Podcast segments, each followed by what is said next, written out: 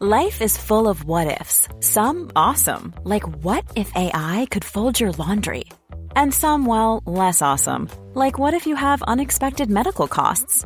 United Healthcare can help get you covered with Health Protector Guard fixed indemnity insurance plans. They supplement your primary plan to help you manage out of pocket costs. No deductibles, no enrollment periods, and especially no more what ifs. Visit uh1.com to find the Health Protector Guard plan for you.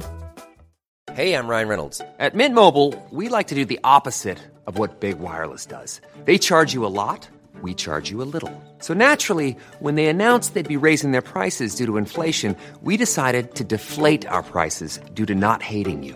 That's right. We're cutting the price of Mint Unlimited from $30 a month to just $15 a month. Give it a try at mintmobile.com slash switch. $45 upfront for three months plus taxes and fees. Promo rate for new customers for limited time. Unlimited more than 40 gigabytes per month. Slows. Full terms at mintmobile.com. Planning for your next trip? Elevate your travel style with Quince. Quince has all the jet setting essentials you'll want for your next getaway, like European linen, premium luggage options, buttery soft Italian leather bags, and so much more. And is all priced at 50 to 80% less than similar brands. Plus, Quince only works with factories that use safe and ethical manufacturing practices. Pack your bags with high-quality essentials you'll be wearing for vacations to come with Quince. Go to quince.com slash pack for free shipping and 365-day returns. Er du klar for pod, Øystein? Jeg er kjempeklar for pod. Det er godt med en pust i bakken. For at jeg er sånn, det var en sånn reklame, jeg vet ikke om det var Rema eller Kiwi, som sånn Enten du skal ha jobbesommer eller grillesommer eller havsommer eller sjøsommer eller fjellsommer eller sånt, så har vi maten for deg, eller sånn, sånn reklame. Og jeg har definitivt jobbesommer. Du har det? Utslitt.no. Klar for pod.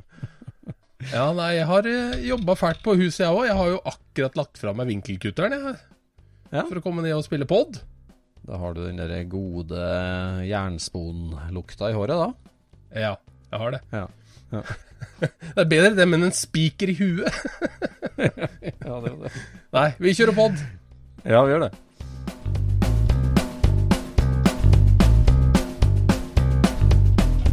Du lytter nå til Scootspodden, en norsk podkast om klassisk bil med Jon Roar og Øystein.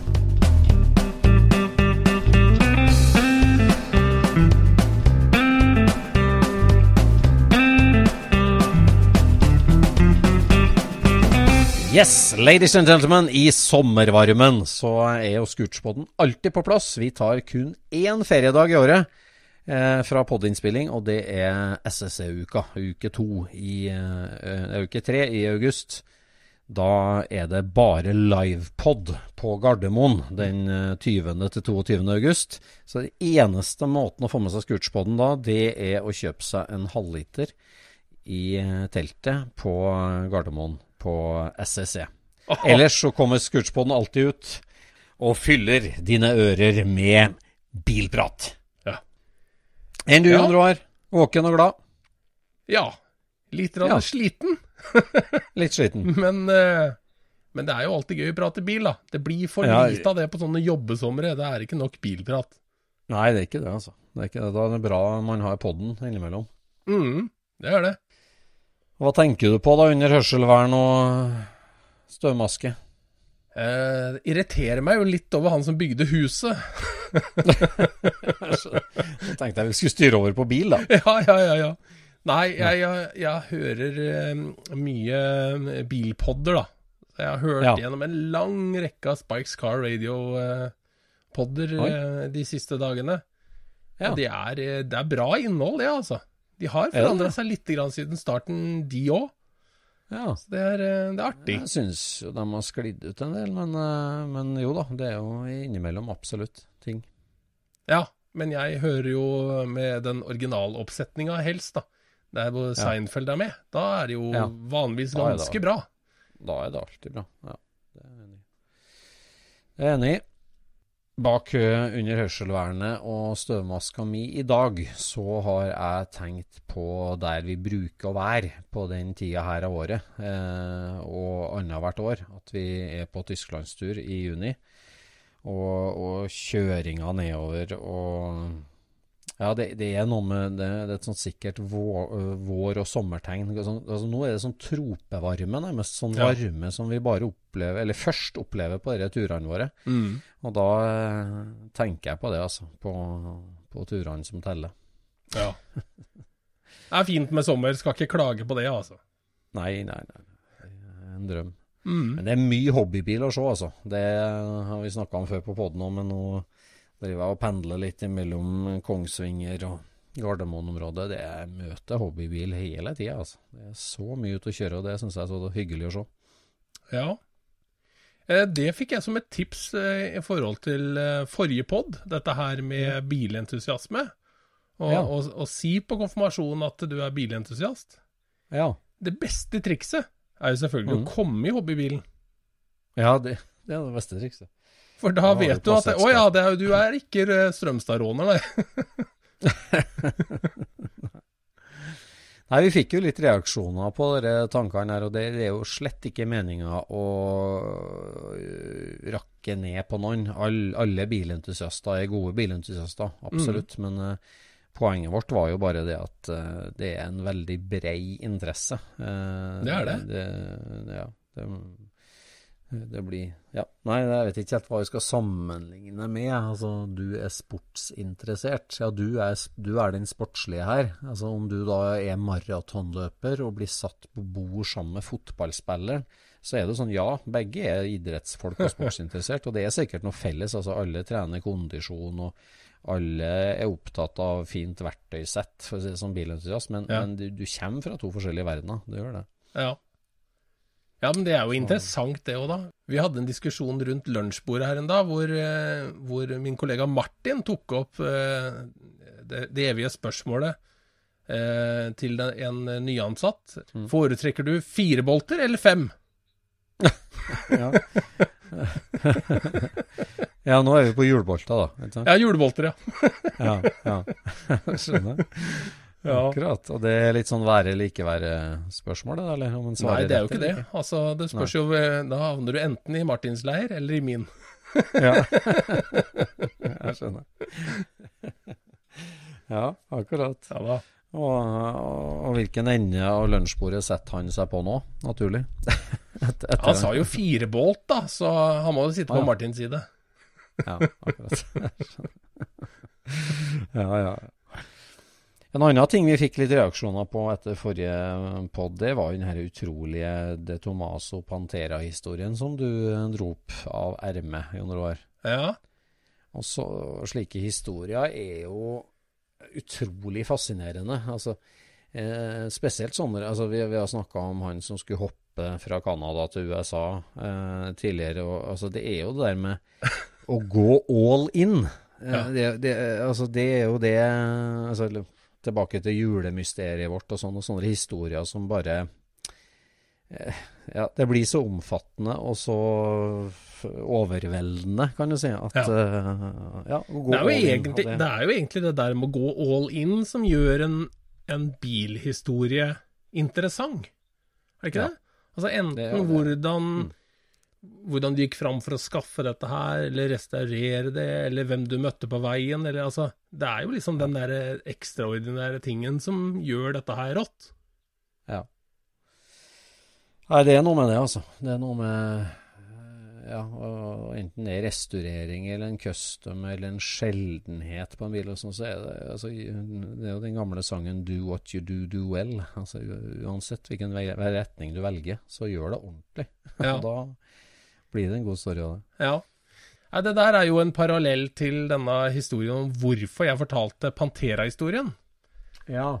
Fordi jeg har jo hørt eh, eh, mange forskjellige podder opp igjennom, og, og sett på forum og greier, og der, der er det liksom én sånn historie som stikker seg litt godt ut. Med dette her å gå all the way. Mm. Og den handler jo da om eh, en, eh, en newyorker som heter, eller som ble kalt for Cat-Bob. ja.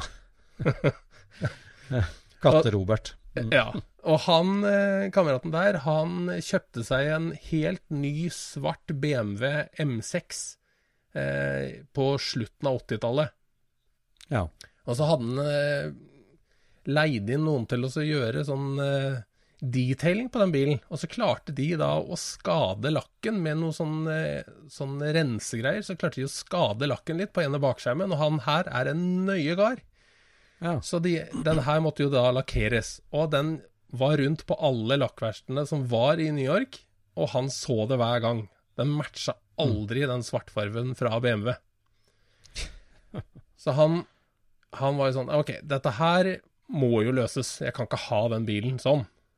Så han ringte da til eh, en kar borte i California, på Hollywood Motors, og spurte hvem Ja. er Amerikas beste billakkerer. Ja. Jo, det er Junior Conway. Hotrod-byggeren Junior Conway. Okay. Han gjør de beste lakkeringene. Så han ringte rett til Junior Conway og sa at eh, jeg har en svart BMW, jeg vil ha en ordentlig svart. Eh, er det her noe du kan gjøre? Ja ja, det kunne han gjøre. Jeg måtte bare ta den helt ned til stålet, og, og lakke den opp en, eh, med cellulose. Nitrocellulose. Oi, oi. Hele bilen, da. Hele bilen. Ja. For å få den da ordentlig strøken. Ja. Og han sendte denne her på lastebil av gårde for å få han til å lakke den, da. Og det varte og rakk. Og han begynte liksom å si at fader, jeg trenger jo en bil, jeg. Han skulle, han skulle på date med ei dame, så han fant ut at jeg må jo få tak i en bil. Ja. Så han gikk ned på Porsche-forhandleren, og så bestilte Ja. han seg en helt basic 911. Ja. En svart kupé. hvilket år er vi på nå? I 1989 er vi da. 1989. 1989 skulle han bestille seg en Carrera 3.2. Ja. Uh, og så når han var der nede for å kikke på bilene, så ser han at de har jo sånn vinyldashbord. Ja. Jeg syns ikke det var noe fint, da. Han ville ha, han ville ha skinndashbord, da. Ja.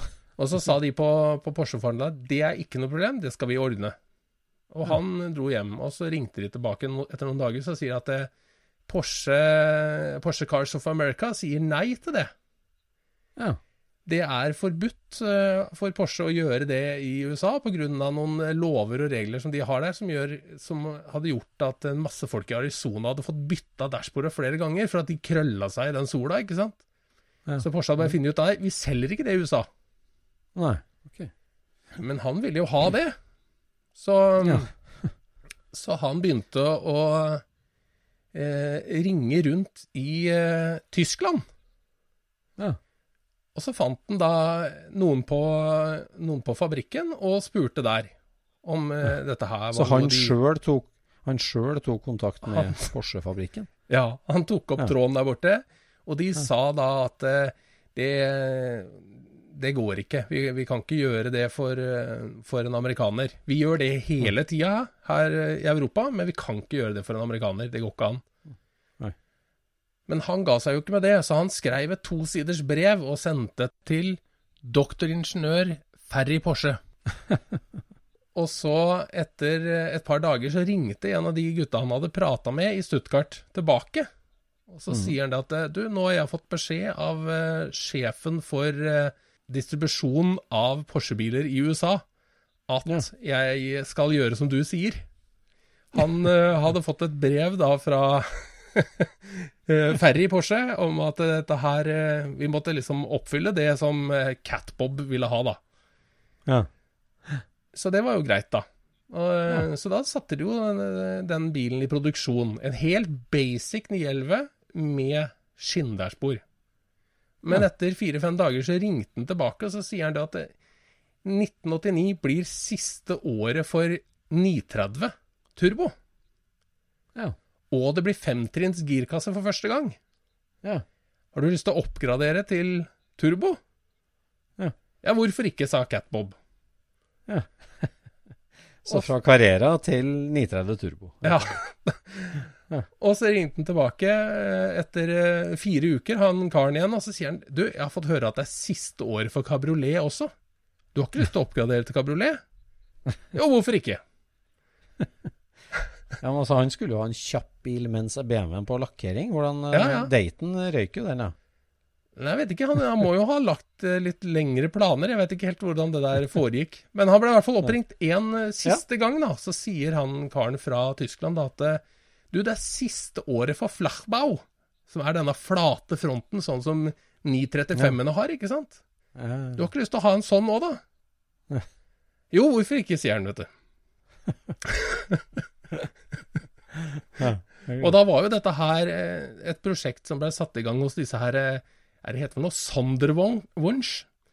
Altså den spesialavdelinga, for det her var helt på slutten av når de dreiv den spesialavdelinga der, ikke sant, hvor du kunne liksom bygge akkurat den bilen du ville ha, da. Ja. Men eh, Flatnose, turbo, turbo bredde, kabriolet, svart. Ja, svart-svart. Ja, med skinndashbord. Og så plutselig så, eh, så begynner det å komme forslag om andre ting de kan trekke med skinn i den bilen. Og han sier Porsche ja begynner til å komme forslag. Ja, de, og han sier ja til alt, ikke sant? Hele tida så sier han bare ja til alt. Så han har da eh, til og med de derre De klikkerne til eh, sikkerhetsbeltet er trukket med skinn. Strømbryteren i eh, bagasjerommet for å skru av batteriet er trukket med rødt skinn. Instrumentringene er trukket med skinn. Knotten for å nullstille trippmeteren er trukket med skinn. Nei. Og talla på instrumentet er trygt på skinn. Innvendig i den der. Han, og, og han har altså Det, det er var 300 deler som var trukket med skinn i den bilen. Det tok helt det av, en- det, det der, vet du.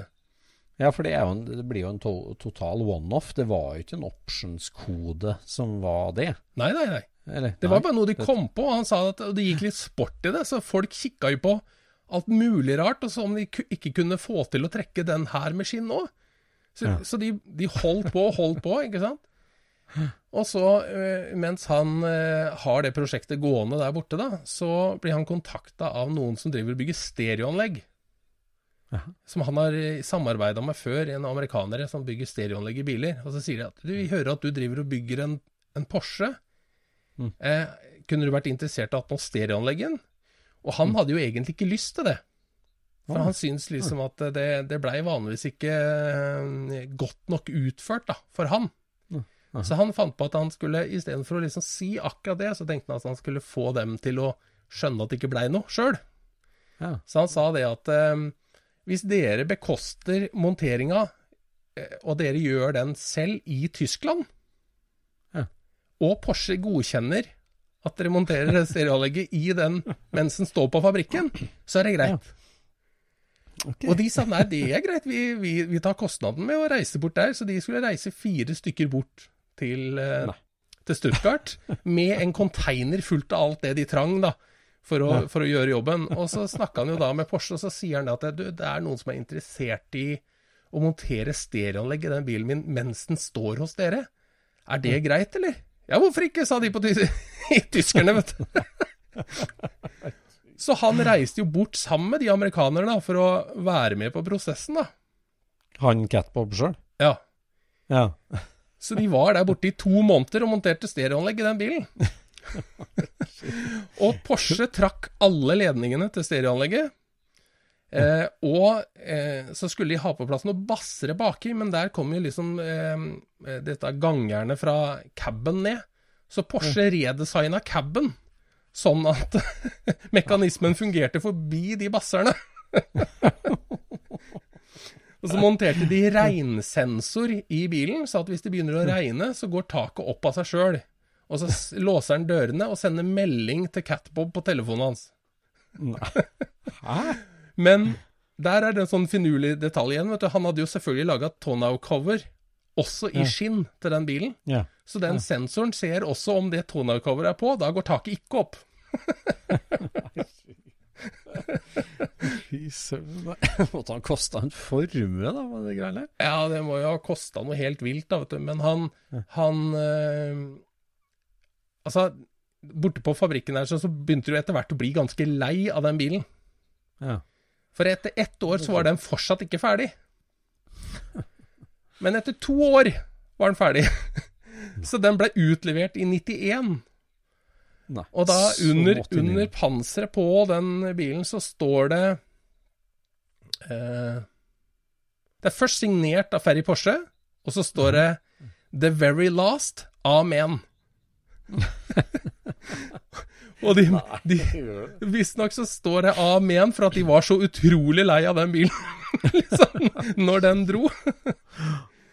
Så da blei den da sendt med fly, av, betalt av Porsche, med vakter på. Eh, sånn at det ikke skulle skje noe med den bilen, for de ville ikke se den bilen igjen.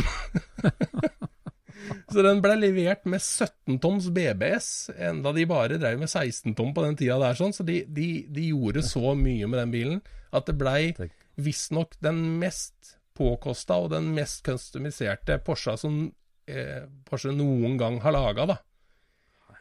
Som han da fikk hjem, og, og så har han jo han da ikke tatt den i bruk heller, da. Oi. Fordi at eh, det- en, av, en av teknikerne på Porsche hadde sagt at eh, det her er ikke lenger en bil, dette er kunstverk. hadde han sagt det. Og det mente han der eh, Bob også, at det Ja, nei, jeg kan ikke begynne å bruke denne her sånn. Så den står sånn fortsatt, eller? Heldigvis da, så fikk han jo igjen eh, denne her eh, Fikk jo igjen BMW-en sin før denne Porscha kom, da. Ja. Så han Conway brukte fire år på å få lakka den bilen.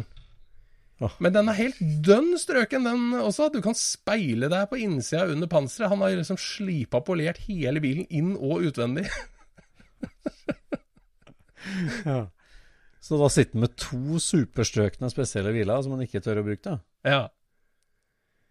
Så da bestemte han seg for at han skulle bygge en til, da. En Ja. enklere, en enklere 911. Ja. For han eh, Ferry, han ble vel 90 år i 1990? Eller var det 91? Det Der et sted, i hvert fall. Ja, Rundt der. Mm. Da bygde jo de noe som de kalte for eh, Panamericana til han. En sånn grønn, sånn eh, veldig sånn eh, prototypeaktig bil. Mhm. Den syns jo Catbob var veldig fin. Mhm. Så han, eh, etter at han har fått den, der, eh, den svarte, da, så tok han kontakt kan, Dere kan ikke lage noe lignende til, til meg òg, da? Men, eh, men han ville ha den litt enklere, så de baserer den på en 964. Oi. Så de laga da en bil som de har døpt til Americana GS til, til han. Som er lakka i ca. samme farven.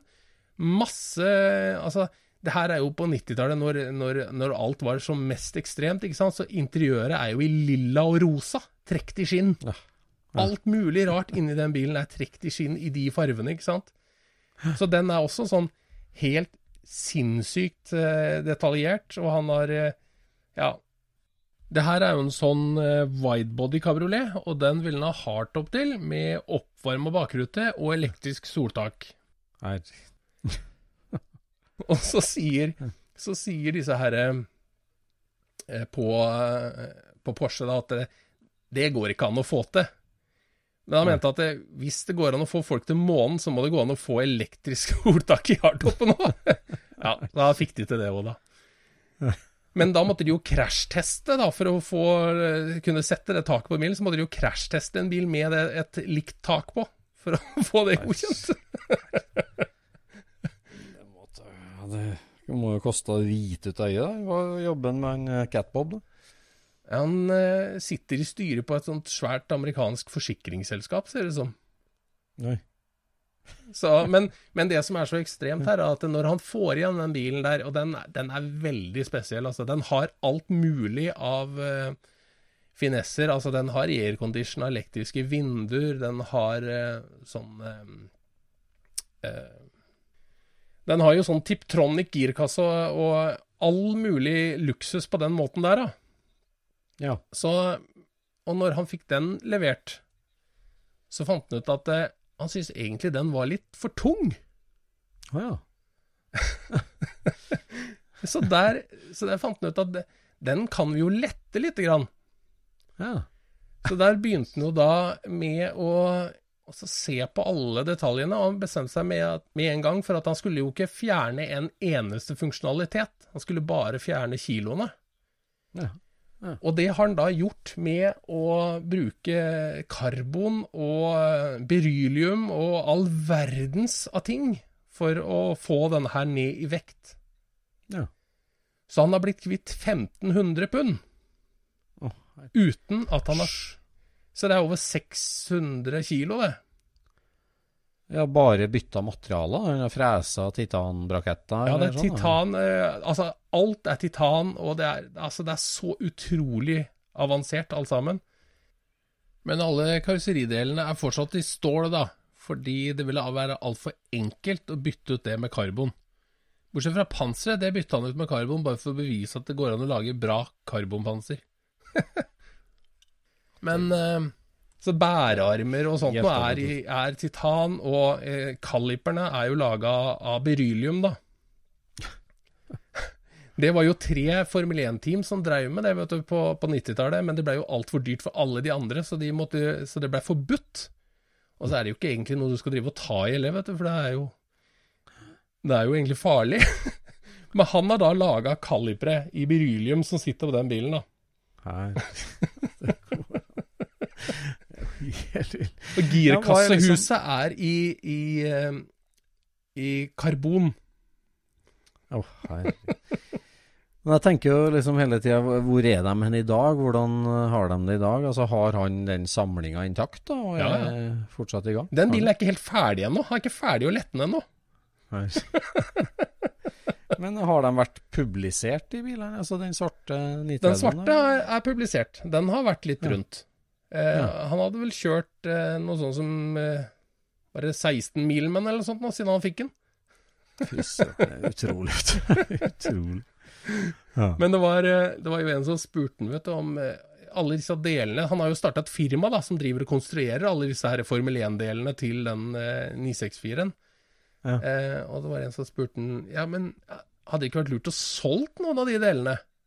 Mm. Så, for at det må jo være et marked for disse her oppgraderte delene. Mm. Altså, han mente at det var egentlig bare et teoretisk marked. For at når, du, når eh, jeg har vært nødt til å betale 50 000 dollar for to bærearmer, så blir det mest i teorien at folk kjøper. ja. ja, men han kunne jo få ned prisen litt da, hvis han lagde flere, sikkert. Men, men ja. Nei, men det er sånne, sånne fantasiting. Hva, hva skjer hvis, eh, hvis du har helt utømmelig med penger? Mm. Så når han var halvveis i det prosjektet, da hadde han brukt 6 millioner dollar på letting. Ja, så da, da har han et, en garasje med, med en fire-fem utrolige biler i? Ja, Der står det tre biler. At, BMW og to Porscher. Nei, altså han har faktisk veldig mange andre biler også. Ja. Eh, som er sånn Viper og uh, sånn Hellcat uh, Charger og altså Og ingen av de er bra nok. Han, han driver og trimmer og gjør alt mulig med alle sammen. For at han, han er ikke den Han sier 'jeg er ikke interessert i å kjøre, jeg er bare interessert i å finne hva grensa er for hva som kan gjøres'. Hvis det kan gjøres, så vil jeg gjøre det. Ja. Ja absurd. Men, eh, men navnet Catbob, hvorfor eh, katter? Hvorfor? Jeg tror han eh, Han er fortsatt singel, tror jeg. Ja, Så han bor, han bor i en leilighet eh, sammen med da to katter. Og de kattene heter nummer fem og nummer syv. han har hatt, hatt flere, da, skjønner jeg. Han, han driver og adopterer de, da. Og han er jo helt Aha. utrolig glad i de, da. Så Ja. han, eh, han eh, På et tidspunkt så hadde han jo Det er bare én lege i USA som får lov å å operere eller eh, ta hånd om de der de kattene, da. Så den ene katten hadde blitt sj- sjuk. Da hadde han flydd den til han legen på privatflyet, da. Den katten.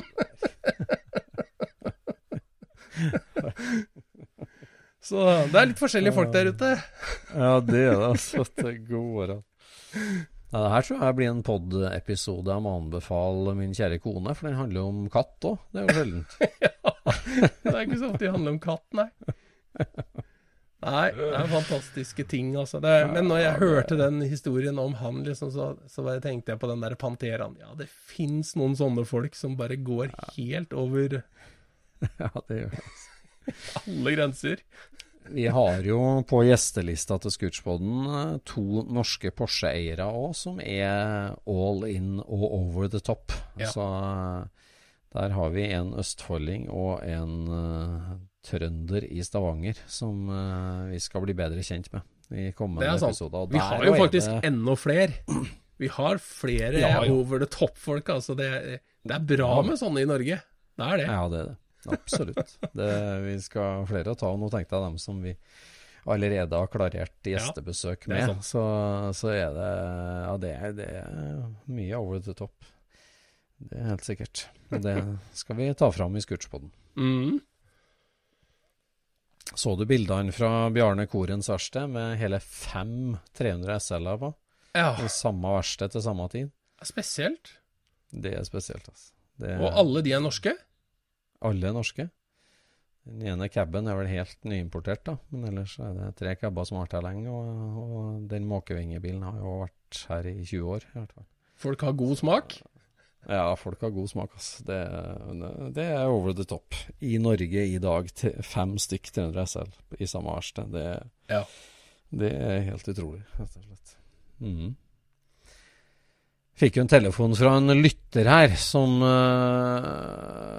sier at vi bruker ordet 'liksom' for ofte. Ja. Så det må vi skjerpe oss på. Så Ja. i episoden her er vi fri for 'liksom'. Har vi ikke sagt liksom? Nei, vi har ikke sagt Jeg har liksom ikke sagt det. Ikke en, ikke en eneste gang. Nei. Nei. Nei, det er nok jeg som synder mest på det. Å ja, jeg trodde, jeg trodde det gikk mot til oss begge. Ja. Ellers så har jeg hatt en eh, veldig frustrert eh, bilentusiast på tråden som uh, snakka om det temaet som vi må ta opp på, eh, med reprodeler. Altså hvor sårbar vi er i forhold til reprodeler. Spesielt når det begynner å bli litt sjeldne ting, litt spesielle ting, som er, som er så sjeldent og spesielt at det har veldig høy betalingsvilje. Altså F.eks. en del rart ekstrautstyr til folkevogner som har blitt laget opp igjen. Eh, og det kan være litt sånn dyre, komplekse deler, enten det er til motor eller innsug eller eh, sånn. Så altså, det å reprodusere deler, det er jo enten prisgitt et eh, veldig entusiastisk marked, som er sånn at det er mange som etterspør det, og mange som ønsker seg det.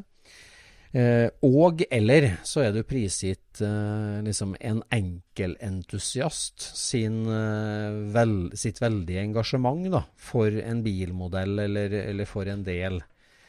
Og um, der er det jo en av altså F.eks. i, i det herre um, tysk militærbilmiljøet, da, så er Mhm. det veldig mye fine reproduserte ting, både fra Tyskland og fra Tsjekkia og fra Polen og forskjellig, som, som tysk militærbilentusiaster har nytt godt av i veldig mange år, som har gjort at det å restaurere veldig spesielle, smale, sjeldne biler da, har gått veldig lett, egentlig, fordi at eh, ja, hvis du la sammen at han, bileier X, lager det, bileier Y lager det, og til sammen så fikk du tak i veldig mye av det du mangla. Men nå er plutselig bil eh, Altså, han ene repromann X blitt syk, han andre har gått over på andre ting, og plutselig så er det tørke på en del ting, da. Og okay. da er det jo kjempevanskelig å få restaurert et prosjekt, egentlig. For det her er jo ting som er umulig å få tak i originalt.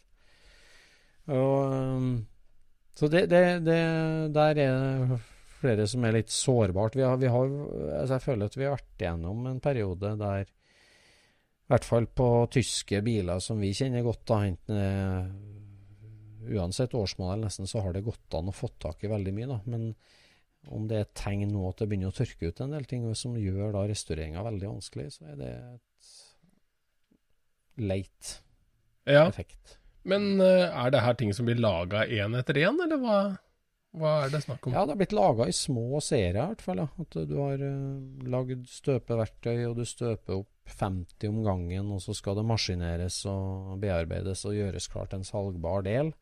Og så har du liksom samla opp litt bestilling igjen, og så har du støpt en batch igjen, og så til slutt så går du litt lei, da, og kanskje får litt dårlig betalt for det, og sier at nei, nå orker ikke jeg mer, nå slutter jeg med det. Så mange sånne, altså på en del smale bilmodeller og bilmerker, så det, har det vært sånn. Og det, det er jo en fantastisk ting til hobbyen at eh, du kan kjøpe nye deler til gamle biler. Eh, men det varer ikke evig. Det, så har du et prosjekt som står, og du vet at du trenger Ikke tenk det at det kan du kjøpe når som helst. Uh, ofte har man jo tenkt sånn at jeg jakter de brukte, sjeldne tinga først, og så kjøper jeg alltids repro når jeg trenger det. Men det varer ikke evig, altså. Nei. Jeg driver jo og gjenskaper litt uh, Audi-deler på jobb. Ja. Vi har et sånt uh, lyktespylerlokk til en Audi B5 RS4, som, hvor jeg har en original, og så skal jeg lage uh, en speilvendt en. Ja. Fordi det har jo Audi gått tom for, og det sitter jo utsatt til i fronten, og ja, kan jo forsvinne på så mange måter. Så der driver jo jeg og modellerer opp en, eh, et sånt eh, lokk, og det, det skal jo vi 3D-printe, for vi skal jo bare ha ett, Ja. for å si det sånn, da. Ja. Um, men eh, jeg var jo da på en sånn uh, prototypingsverksted, og de Mhm. hadde også en plastfabrikk hvor de kunne produsere mindre serier på Ja, hvor de kunne lage eh, 30 deler ja. Hvor de bare støpte det, og der ble det liksom istedenfor å koste 800 kroner å printe, så ble det 100 kroner biten. Yes. Og det er jo ganske tøft når det gjelder, uh, gjelder plast. For dette her var kjempefin kvalitet, altså. Ja, ble det? Ja, ja, ja. Ja, men jeg, jeg må altså støpe dem av en 3D-printa del og støpe opp, eller? Nei, det som er saken, er at du må jo ha en modell. Du må jo, eh, Ja. du må jo ha en 3D-modell, eh, og den må jo være de prosenta større som krympen gjør at du må ha. Men i visse tilfeller så krymper ikke noe særlig, og da kan du faktisk ta kopi av den faktiske delen, eh, og støpe dette her i silikon, da. Det er silikonformer som holder da til sånn 30-50 deler. Ja, Og det syns jeg er Det er jo liksom veldig fint for eh, de av oss som driver med litt mer moderne ting, men vi ønsker oss jo veldig ofte ting som er i aluminium og Ja. pottmetall og alt mulig rart, liksom, så Men du trenger jo fortsatt 3D-modellen, sånn som jeg eh, ser det. Eller så må du ha håndverkere som sitter og filer det ut, liksom.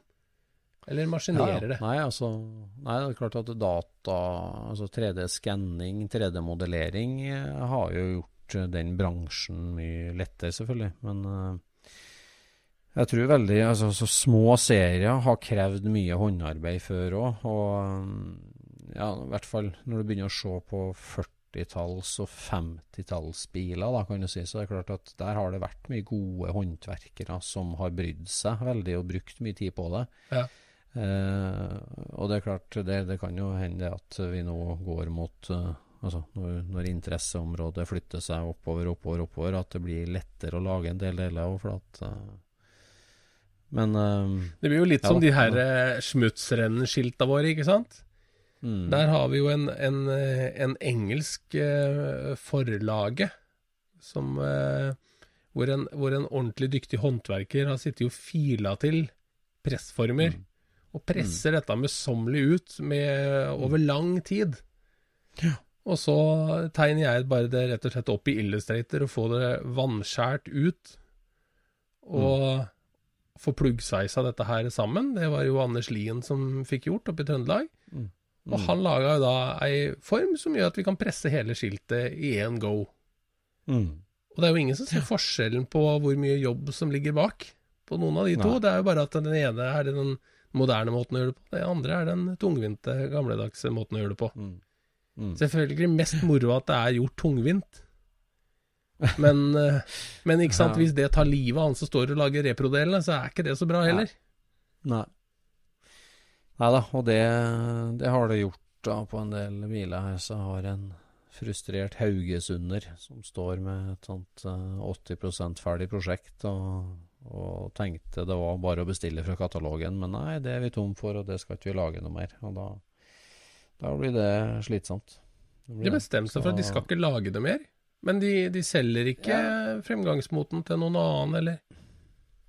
Jo, det kan hende det går an å få tak i det, da. Men eh, nei, det der er jo mye håndarbeiding. da, Blekkdeler og en del sånn sveisa, smidda, smidde brakettting og sånt som er liksom Det er ikke umulig å lage det, men, eh, men der har de forma og mala og har gjort det i lang tid, da, pressverktøy. Så Så det er Men så har det jo andre historier, sånn som de dekkene jeg kjøpte til svimmen min. For der er det sånn at uh, under krigen så kjørte egentlig folkevogn på to typer dekk. De kjøpte kontinentaldekk i 16 tom, og så kjørte de Dunlop-dekk i 12 tom. Mm. Eh, samme rullediameter, som da betyr at 12-tommerne har jo mye mer dekkvolum, og det var antagelig for å kunne slippe ut luft og kjøre i enda mer ulendt terreng, da, på en måte de 12-tommerne. At du fikk eh, ja, veldig mye gummifleks, i hvert fall. Jeg vet ikke eh, egentlig hva grunnen kunne være. men.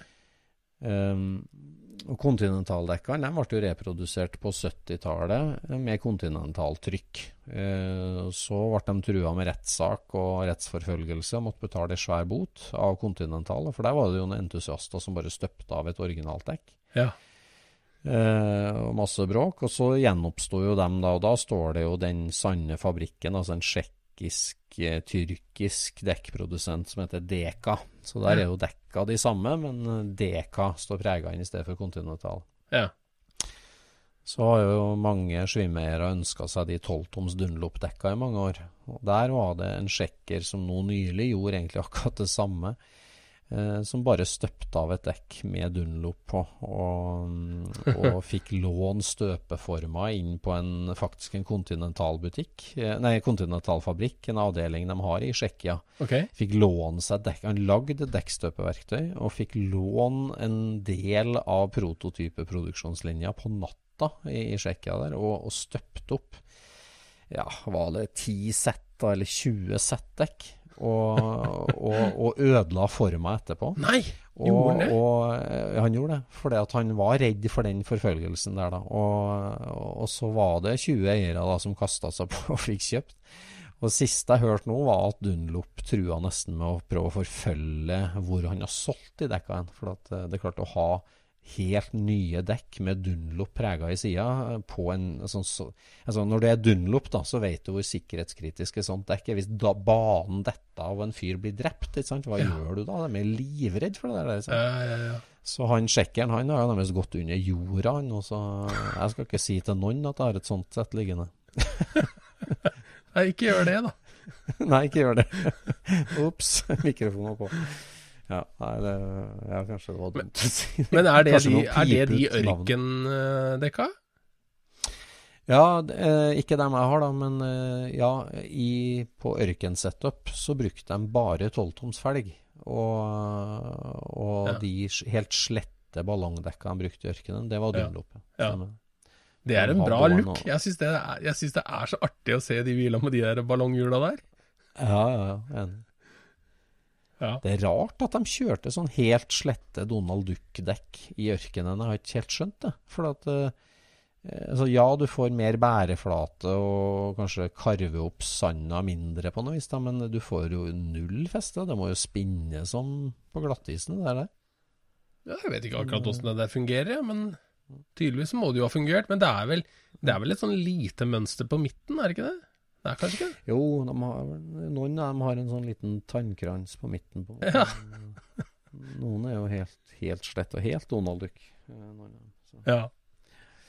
Jeg så en sånn test Ja hvor de testa en Willis Jepp mot en uh, Kubelwagen.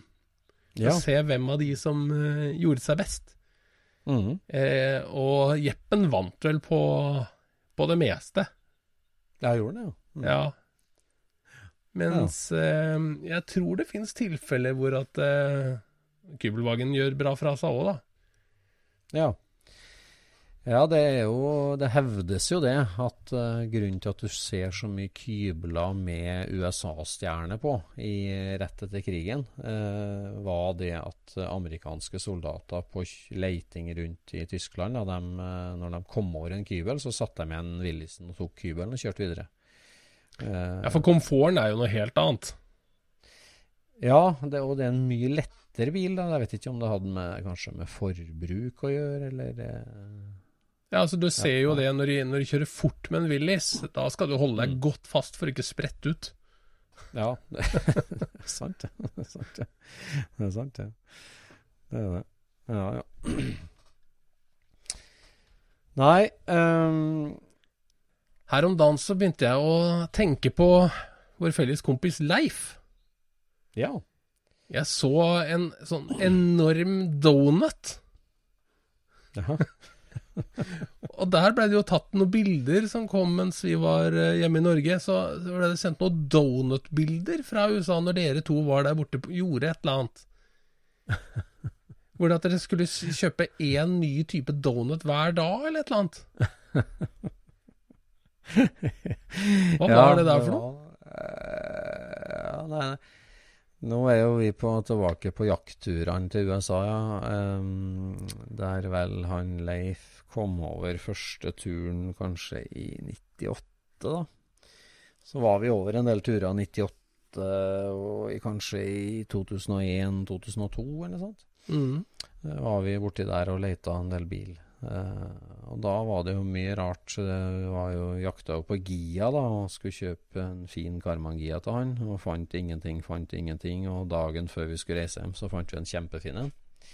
Og da var det jo på en av de turene der at vi la opp til sånn donut-testing. At vi skulle eh, Dunkin' Donuts og én ny smak hver dag. Eh, for det, var litt sånn politifrokost, da. Vi skulle ha politifrokost hver dag. Men er, var det da som dere hjalp til med de to dragbilene, eller? Ja, det var jo på en av de første turene. Altså. 1998-99 det er antagelig, da jeg i Da jeg var i Texas, og Leif kom over, og vi var på treff i Texas, og så fløy vi opp til eh, Iowa og jakta på MP-deler og Rommerts-deler der, og så på mye busser forskjellig, og så kjørte vi jo ut til California. Eh, og når vi kom frem til California, så var vi da jakta på Gia annet. Sånt, og målet da i California, det var jo å komme seg på VV Classic i juni på Irvine Meadows. Ja. Eh, det legendariske treffet. og da når vi kom ut dit, så hadde vi kjørt jo en sånn sur blåmetallic, trist såpestykkebil Ford Taurus, sånn 90-tallshelt. Eh, Ja. ja, ja, USAs Mondeo. Eh, vi kjørte jo en søkklasta med folkevogndeler, eh, med panser knyta fast på taket med et gulvteppe imellom. Så vi ikke ut. Så vi kom inn på California Shipping der og tømte bilen og fikk lasta den ut og levert den og leide oss en ny leiebil når vi kom dit. Og kryssa fingrene for at de ikke skulle innspise ripene i taket, husker jeg. Og da var det at min gode venn da, Chris Morley, som vi har snakka om før, storsamleren, pre-internettkongen i folkevognverdenen, som samla mest deler, mest biler, sjeldne ting. For eh, på midten av 90-tallet så blussa jo den der eh, interessa for gamle gassers opp noe voldsomt. Det gjal- gjaldt jo om det var en Barracuda eller en tidlig Camaro, altså gamle, ordentlig gjennomførte dragsterbiler. Og gasserbiler ble jo veldig populært midt på 90-tallet utover mot 2000-tallet. Ja. Og um, spesielt i folkevognverdenen, og spesielt egentlig med den europainteressa som for Calluck og dragracing, da, så var jo tidlig gjennomførte gassers. Og så klart gassers, de, eh, altså ordentlig fullblown dragsterbobla, de hadde jo et navn, og de hadde jo en soleklar identitet. Det Ja. var jo den bilen og den bilen og den bilen. Ja. Så, så øh, det er klart at øh, ja, Lightning Bug og, og Inch Pincheren og en del av de veldig kjente Tar Babe og en del av de bilene her ble jo veldig fort uh, spora opp eh, og jakta opp. Mange havna i Mexico og var rundt omkring. Så hadde de, noen hadde jo levd veldig tunge liv med masse lakkeringer og masse motorombygginger. Ja. Men Chris Morley han var veldig systematisk da, i å jakte på de her bilene, og starta jo egentlig med Hot VVs blad, og var igjennom fulgte dem fra sesong til sesong til sesong. Var dem, oh, ja. For ofte så sto jo det, vet du, at eh, her er eh, Hot Lemon i new, new livery, liksom. Nå ser, nå ser den sånn ut, og nå er det James som kjører en, i fjor så var det Ricky. Så, Ja. så han, han eh, Jeg vet at han gikk inn i arkivet sitt. Han har jo et ufattelig ustrukturert arkiv, men han har jo alt. Ja. Så han var gjennom Hot VVS og begynte å forfølge en del av de store bilene. Og en av de eh, litt mer sånn legendariske shoptop-boblene i USA, det var jo Mousetrap. Eh, det- Mousetrap, en, en gul glassfiberbehengt oval. Eh, Mousetrap som var bygd i California i ja, sikkert uh, midten på 60-tallet. Nå husker jeg ikke helt nøyaktig. Jeg tenker det er, Den- jeg tenker det er på 70-tallet. Ja, Taksenkebilene ja, var sånn ca. 71-72. Da var Ja, det på høyden, i hvert fall. Ja, nettopp. Så Mousetrap, den, den forfulgte jo han uh, gjemt bak i et lakkverksted i Nord-California. Husker Mm. jeg, og den hadde jo straight axle, front uh, Ja. og flared fender, så den var jo egentlig bare slipt ned og litt sånn shabby. Hadde ikke gått så mye etter den var Mousetrap, men den var ikke lakkert lenger som Mousetrap. Den var hvit og het vel Whippet? Gjorde den ikke det? Ja, det stemmer. Det, ja, Whip It het den, og hvit. Det stemmer. Det er sånn halvveis demontert med spindle mount, eh, Kels, eh, Kelsey og Hayes-hjul foran, husker jeg, og det var jo så tøff, den bilen. Eh, så den fant han av Whippet.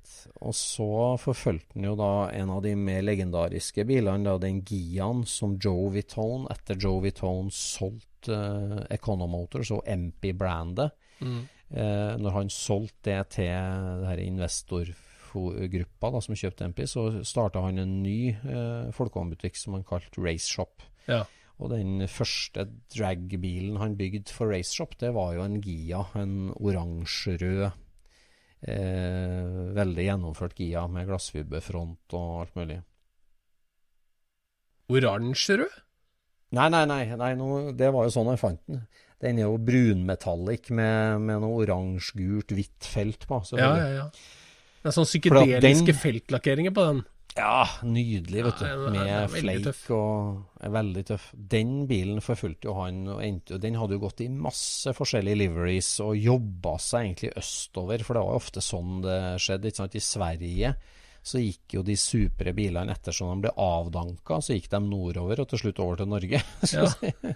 og, og i USA så går de jo fra California mot øst. Og denne her kom seg jo helt til Alabama og, okay. og var, har vært gjennom mange liveries. Og da var han Tomato Soup Red eh, når han fant den eh, på en eh, hos en, en, en gammel dragracer der, da.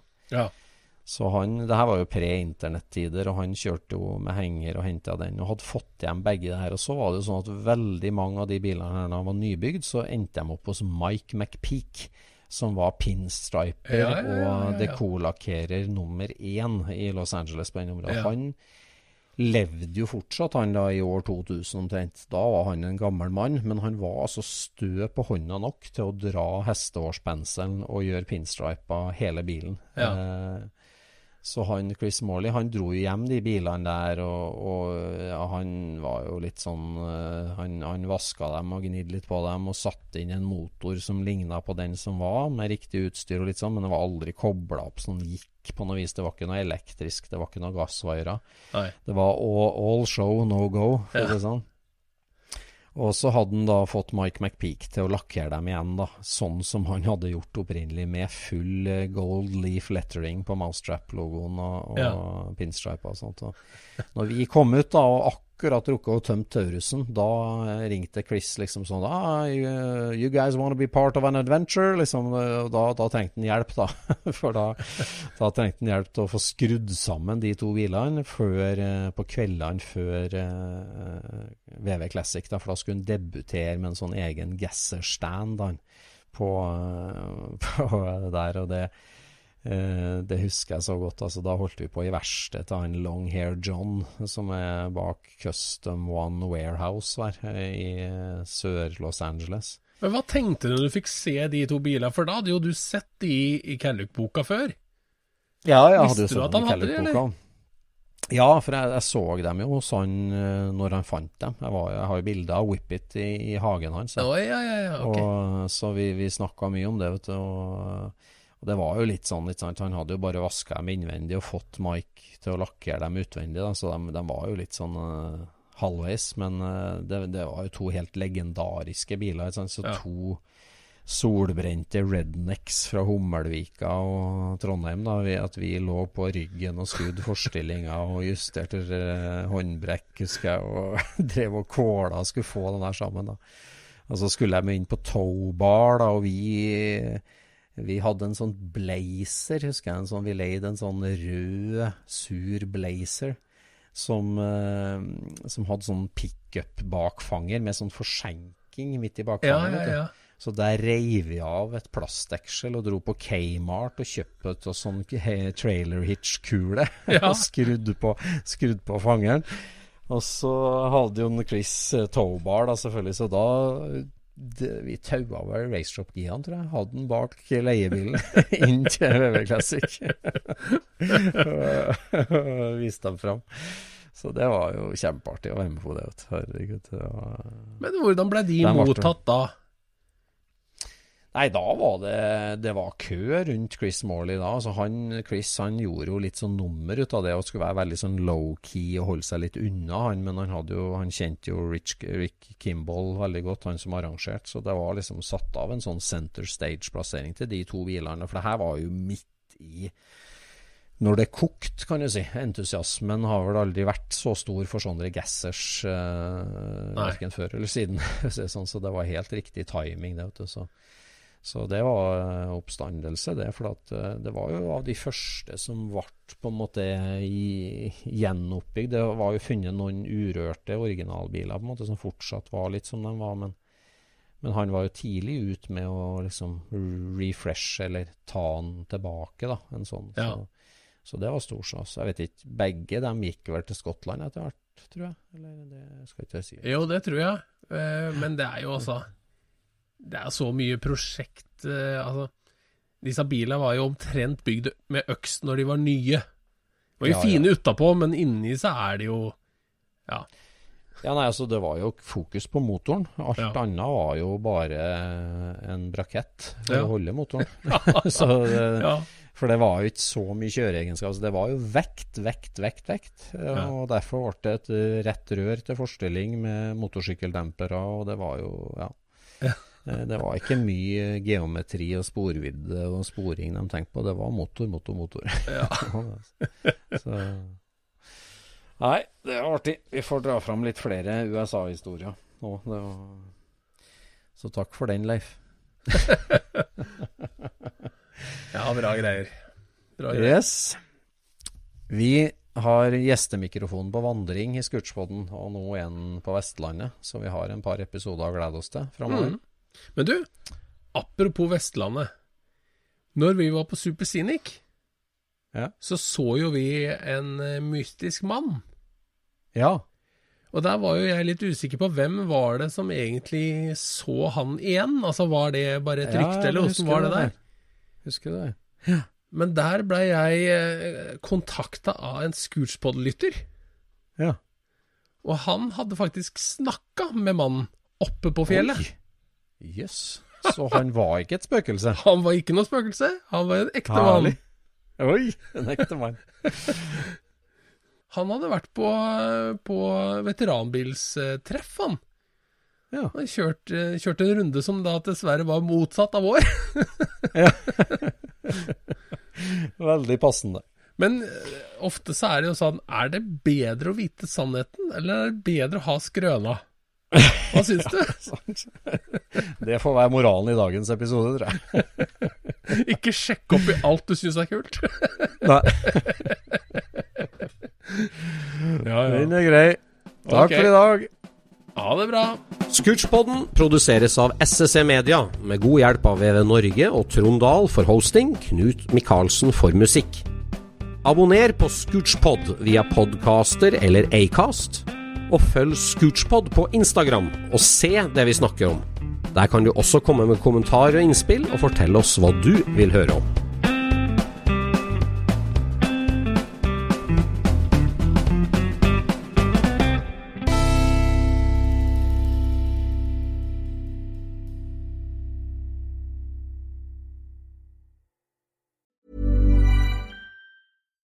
Deserves the best, and there's no better place to shop for Mother's Day than Whole Foods Market. They're your destination for unbeatable savings, from premium gifts to show-stopping flowers and irresistible desserts. Start by saving 33% with Prime on all body care and candles. Then get a 15-stem bunch of tulips for just $9.99 each with Prime. Round out Mom's menu with festive rosé, irresistible berry chantilly cake, and more special treats. Come celebrate Mother's Day at Whole Foods Market. Mom deserves the best, and there's no better place to shop for Mother's Day than Whole Foods Market. They're your destination for unbeatable savings, from premium gifts to show-stopping flowers and irresistible desserts. Start by saving 33% with Prime on all body care and candles. Then get a 15-stem bunch of tulips for just $9.99 each with Prime. Round out Mom's menu with festive rosé, irresistible berry chantilly cake, and more special treats. Come celebrate Mother's Day at Whole Foods Market. Planning for your next trip? Elevate your travel style with Quince. Quince has all the jet setting essentials you'll want for your next getaway, like European linen, premium luggage options, buttery soft Italian leather bags, and so much more. And is all priced at 50 to 80% less than similar brands. Plus, Quince only works with factories that use safe and ethical manufacturing practices. Pack your bags with high-quality essentials you'll be wearing for vacations to come with Quince. Go to quince.com slash pack for free shipping and 365-day returns.